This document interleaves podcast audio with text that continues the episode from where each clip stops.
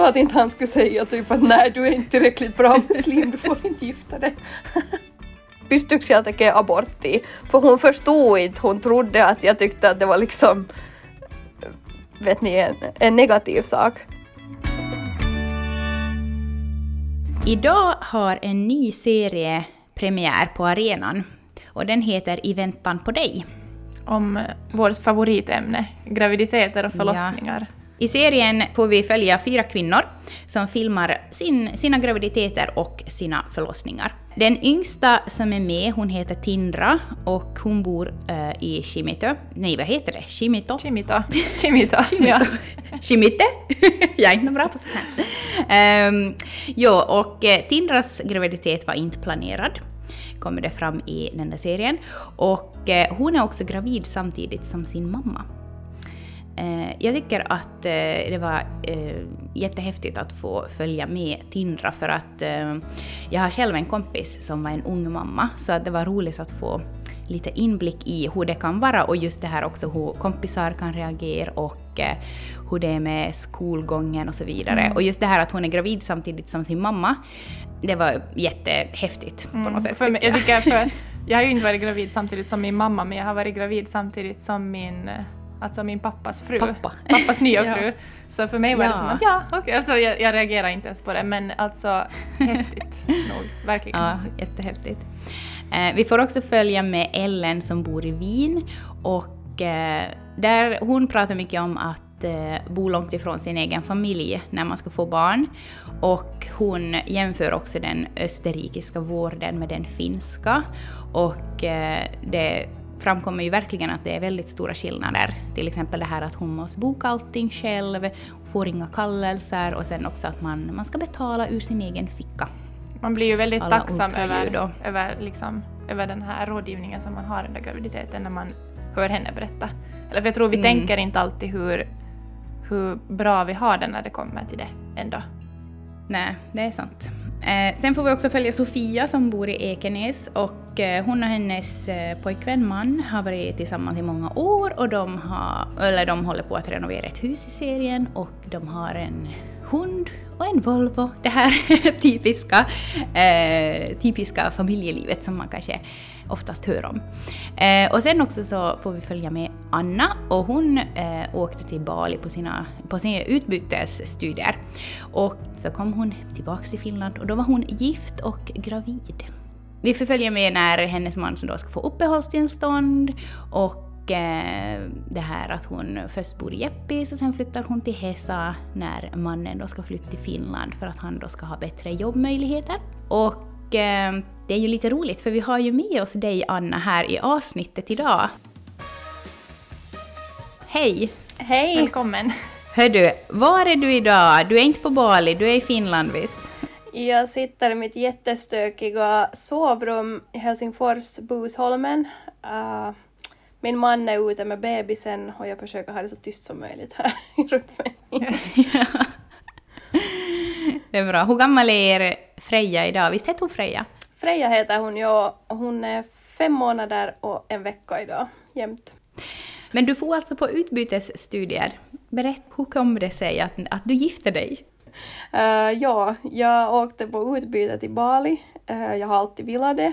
Uh, sen blev det av, som tur. Och jag kom ju dit precis innan hela den här coronagrejen började. Jag minns någon gång när jag hade varit där i fyra månader så då började man liksom tala om att ja, nu är det den här pandemin och grejer och jag brydde mig inte så mycket om det för det syntes inte så mycket av det där och jag bestämde mig för att stanna kvar efter skolan för jag fick en praktikplats där och sen så blev det ju en del festande på Bali också. Det hörde till och så träffade jag ju min man där på en nattklubb. Jag var jag var faktiskt och dansade med hans bästa kompisar på dansgolvet och så kom han bara förbi och så sa han att ska du faktiskt köra hem?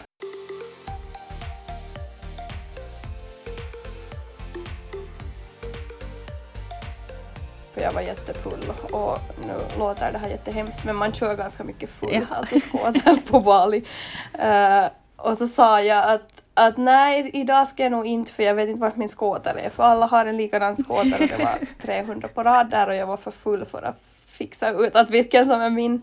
Han var med bil så han sa att det är kanske säkrast att jag kör hem med Så körde han hem oss och jag sa bara att ja, du, du har inga chanser, onödigt att komma och försöka någonting och sticka iväg typ. Men nästa morgon så, så vaknade jag till det här att jag minns att någon var jättesnäll med mig igår och, och så här och så såg jag att han hade skickat ett meddelande åt mig för vi hade bytt mm. telefonnummer och så här. Och, ja, sen tog han ut mig på en solnedgångsdate på Vespa vi börjar spendera en hel del tillsammans och man lever ju lite i en sån annan värld där på Bali att det känns som att man tänker inte lika som här. Här kanske man skulle tänka att men gud, jag kan inte flytta tillsammans med någon jag har dejtat i två veckor och, och så här. Men där på Bali är allt bara sådär att okej, okay, ja men det är okej okay, och det, vi är på Bali och livet är lätt och det är roligt. och ja, vi flyttar ihop och spenderar massa tid tillsammans och sen var jag mitt i allt gravid.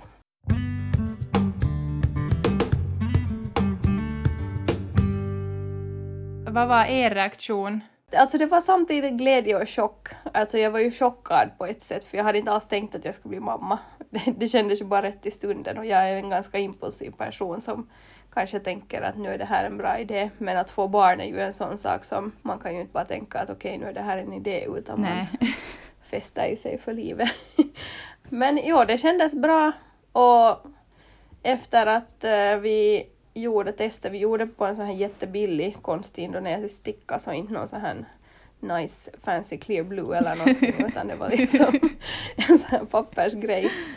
Hade du hunnit träffa hans föräldrar nå före plusset och så här och, och hur gick det till när ni berättade åt dem? Vi var en sväng ut i Sumatra, det är alltså en annan ö från Bali, där jag skulle säga att det är typ 80 procent muslimer, alltså det är en helt annan värld. Det är inte en turistö som Bali utan där till exempel går jag inte kring med minishorts och bikini utan nej, där har man lite längre kläder på sig och så här och respekterar men då när vi var där så då gjorde vi en sån här imamnika kallas det. Det är alltså bara en sån här religiös äh, vigsel På liksom en, något som man skulle kalla präst här men där är det en imam som kommer hem till huset och gör en slags sån här ceremoni så att det liksom är okej religiöst att vi är tillsammans. Ja, det var ju undanstökat som tur för att annars skulle det ju vara jättestort tabu att jag skulle vara gravid eftersom man inte får ligga, ha sex, man får inte göra någonting utan att man är gift där. Så. Men alltså, så det var ungefär som en vigsel det då, eh, som vi skulle säga att typ är en vigsel? Mm, nej, det, ja, alltså man satt, vi satt hemma på hans föräldrars eh, vardagsrumsgolv och sen hade vi bjudit in sådana här vittnen och sen kom ju hela byn, alltså alla folk som bodde där i byn och kollade för att jag var ju, de har ju aldrig sett en blond person i hela sitt liv och vi satt på golvet och han läste från Koranen någonting och gav en sån här bön och sen där med samma så måste jag bevisa att jag eh, är muslim då och säga på arabiska en sån här vers sex gånger och hålla fingret uppe. Okej, så du så blev det... också muslim då i samma veva, eller? Eh, nej, nej, det gjorde jag nog innan redan, men men jag måste bevisa det då, då man inte har liksom, man har inte något papper på att hej hallå jag är muslim så, så ja, jag måste bevisa det med det. Så jag var ju lite svettig där kvällen innan. Jag låg ju med telefonen och övade liksom i smyg på kvällen hur jag ska säga den här versen på arabiska. Så att inte han skulle säga typ att nej du är inte tillräckligt bra muslim, du får inte gifta dig.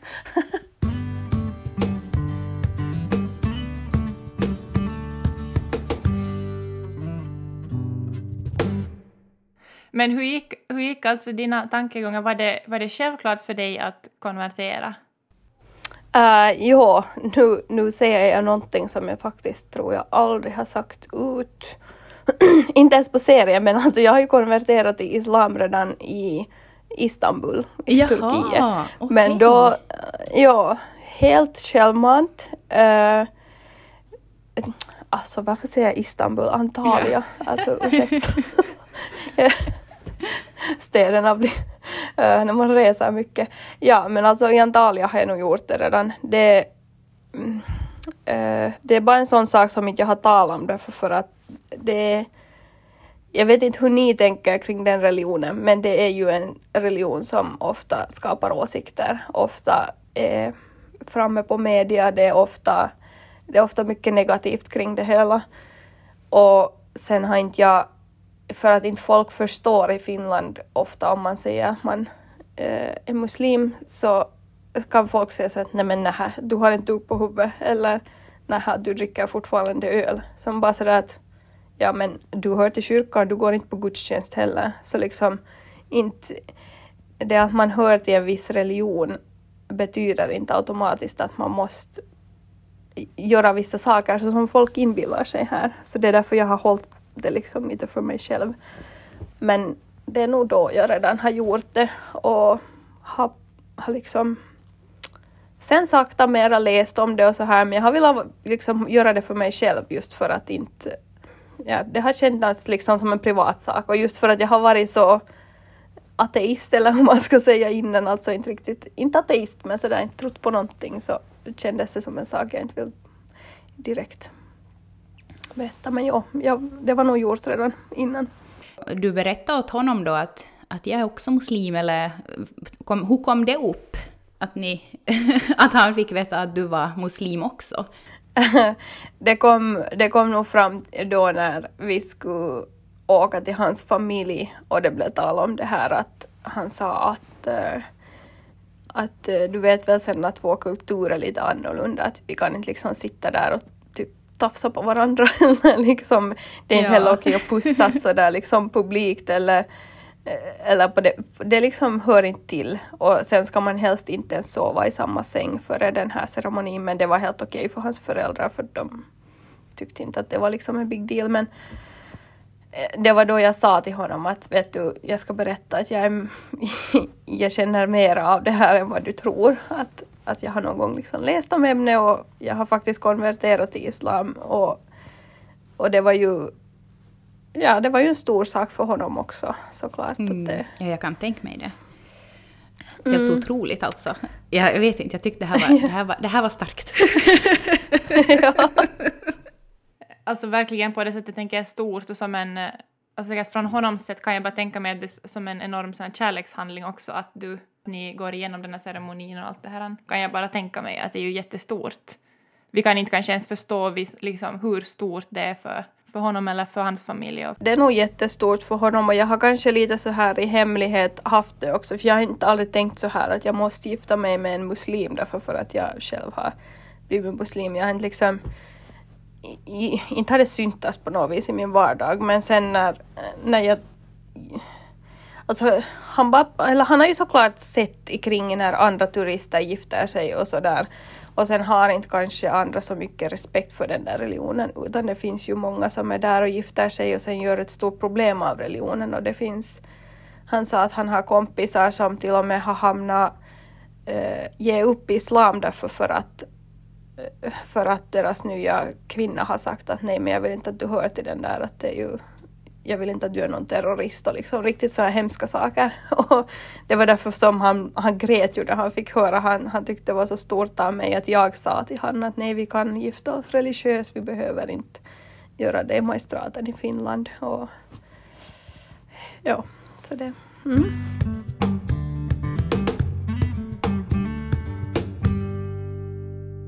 Men hur var, hur var det här alltså när ringde du hem till, till din mamma i Finland? Alltså hur gick det till? När berättade du om vad som hade skett på Bali? alltså, nu, nu ska jag säga så här om min mamma. Hon är världens käraste människa till mig, men hon är väldigt eh, karriärkvinna och väldigt så här tänker hur man säger logiskt om allt som vi säger i Finland. Alltså tänker att typ livet går på ett visst sätt.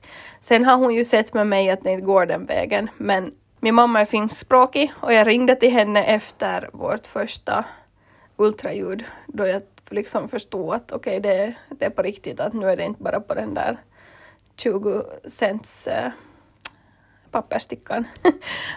så ringde jag till henne och sa att äh, mamma, vet du vad, att nu är det så att jag är gravid. Och hon bara, mitä helvettiä, att nyt sä tuut pois sieltä, pystyykö siellä tekemään aborttia? För hon förstod inte, hon trodde att jag tyckte att det var liksom, vet ni, en, en negativ sak.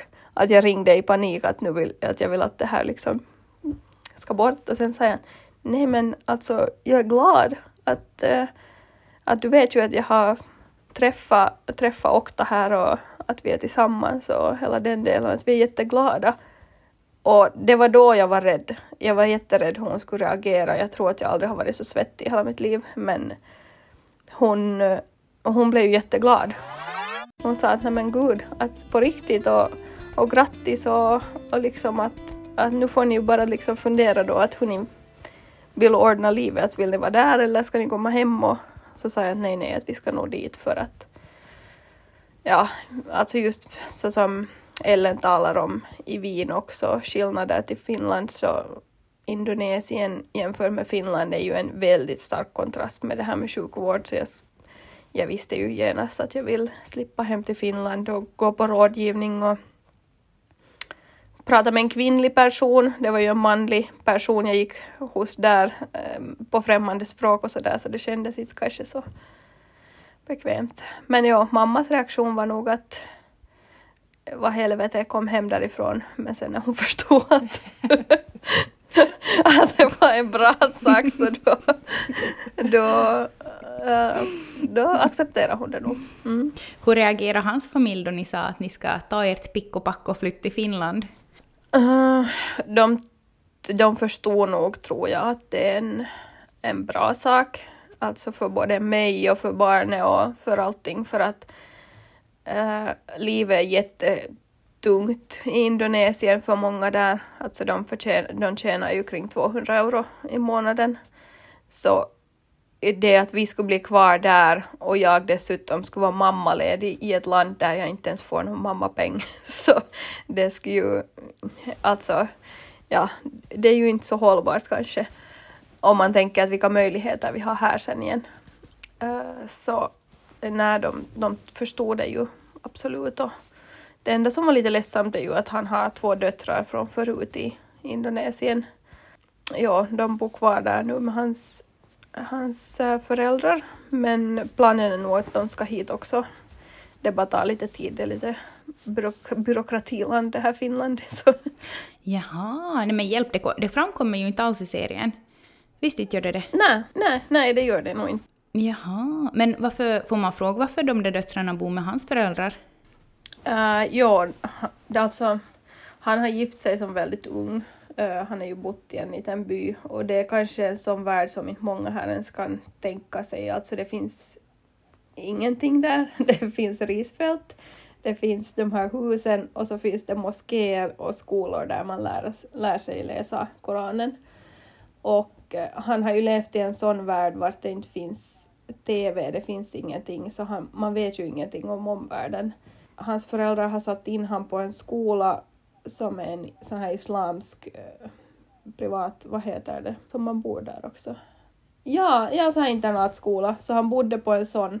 Och det är också orsaken till att han inte är så, hur ska man säga, strikt muslim på det viset för att han inte gillade att han blev insatt så. Och när man går på sånt så då lär man sig också att män ska gifta sig med kvinnor och, och sen ska det vara barn och hela den här leken. Så han gifte sig jätteung och fick barn.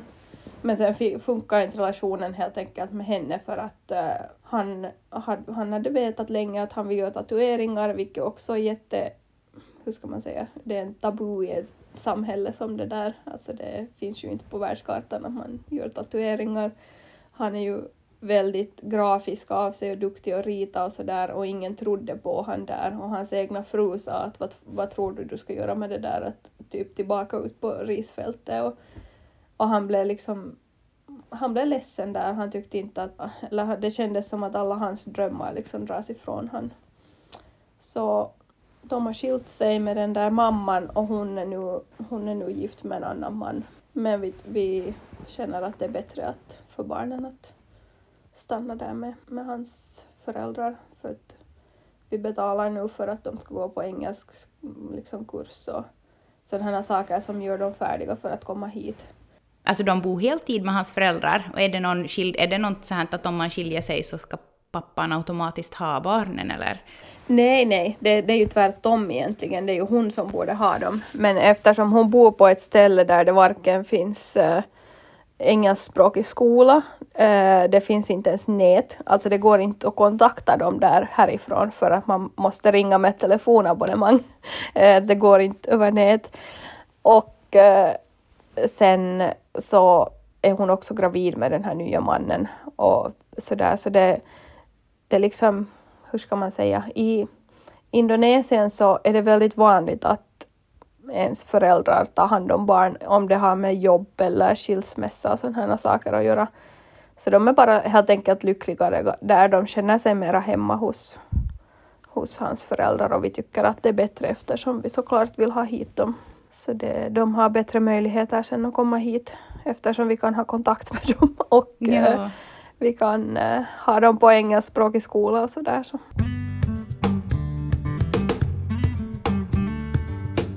Alltså hur har det varit för dig att bli mamma tror du? du har ju någonting att jämföra såklart med men också liksom då mitt i pandemin och att din man kom hit till Finland i en pandemi. Jag tänker Finland är ändå väldigt så här, vad ska man säga, men vi är ju ganska slutna som människor.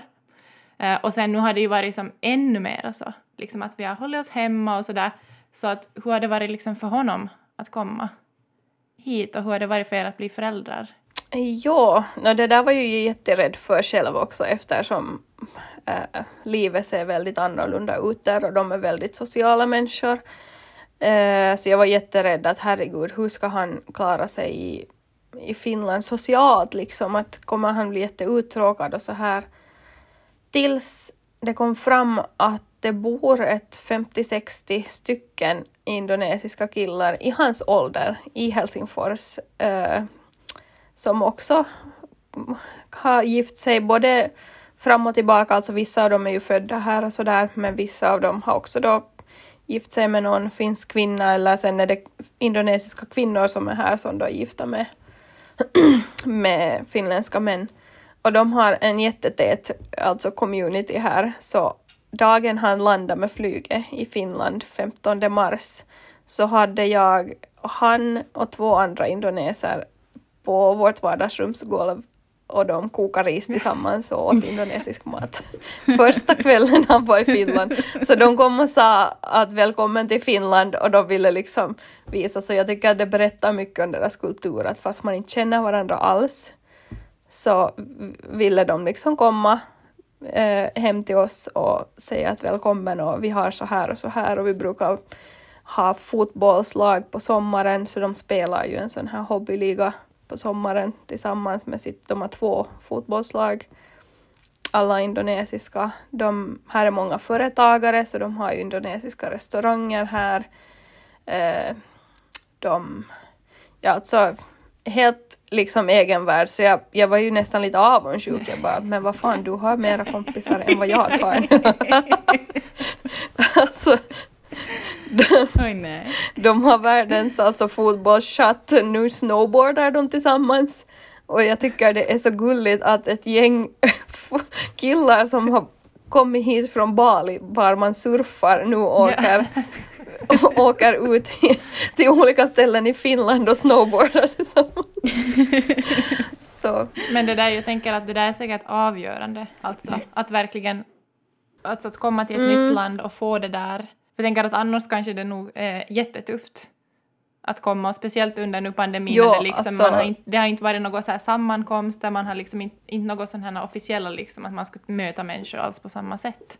Nej, nej, jag tycker lika alltså det där har nog säkert varit en, en sak, en jätteviktig sak och jag har också varit jätte, hur ska man säga, jag har inte velat begränsa honom alls med det där att hur mycket man får eller kan gå ut och så här för att jag, jag vet hur viktigt det är i deras kultur och jag tycker att eh, det, hur ska man säga, Alltså, jag tycker att han ska få vara med dem och de är ett så bra stödverk för honom och det har ett nätverk, alltså stödverk, nätverk. Och de har ju bott här längre så de har hjälpt honom med saker som jag har trott att jag har måste lära honom. Alltså helt så här bassaker om Finland.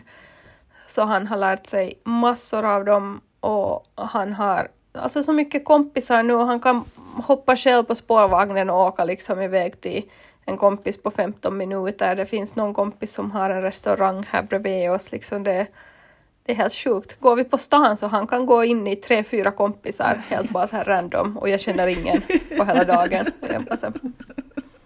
Okej, okay.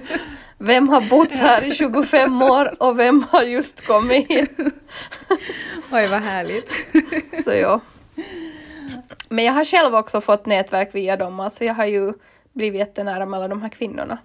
Alla de här finska kvinnorna som är gifta med de här männen så Eh, vi har ju nu också en gruppchatt, vi träffas på samma sätt. Eh, de har också barn, de, eh, alltså barnen ser lika ut, alltså de barnen är ju också halvt finska, halvt indonesiska, de talar också halvt finska, svenska, engelska, liksom indonesiska. Jag är så glad för det här för Frejas skull också för att det liksom finns massvis med barn, lika som henne, så hon, hon kommer aldrig att behöva liksom, eller hon kommer alltid kunna ha kompisar som är lik, i samma situation och, och hon kun, kommer kunna tala med dem också indonesiska i Finland, så det är ju jätteroligt tycker jag. Så i serien får vi ju se då du får ett samtal eh, som skakar om din värld kan man ju säga. Och just hur du pratar kring det Eh, jag ska inte göra någon spoiler här nu, men, men just eh, hur du pratar kring det och sen också när du i slutet av serien återkommer till det och pratar om det sen lite i efterhand.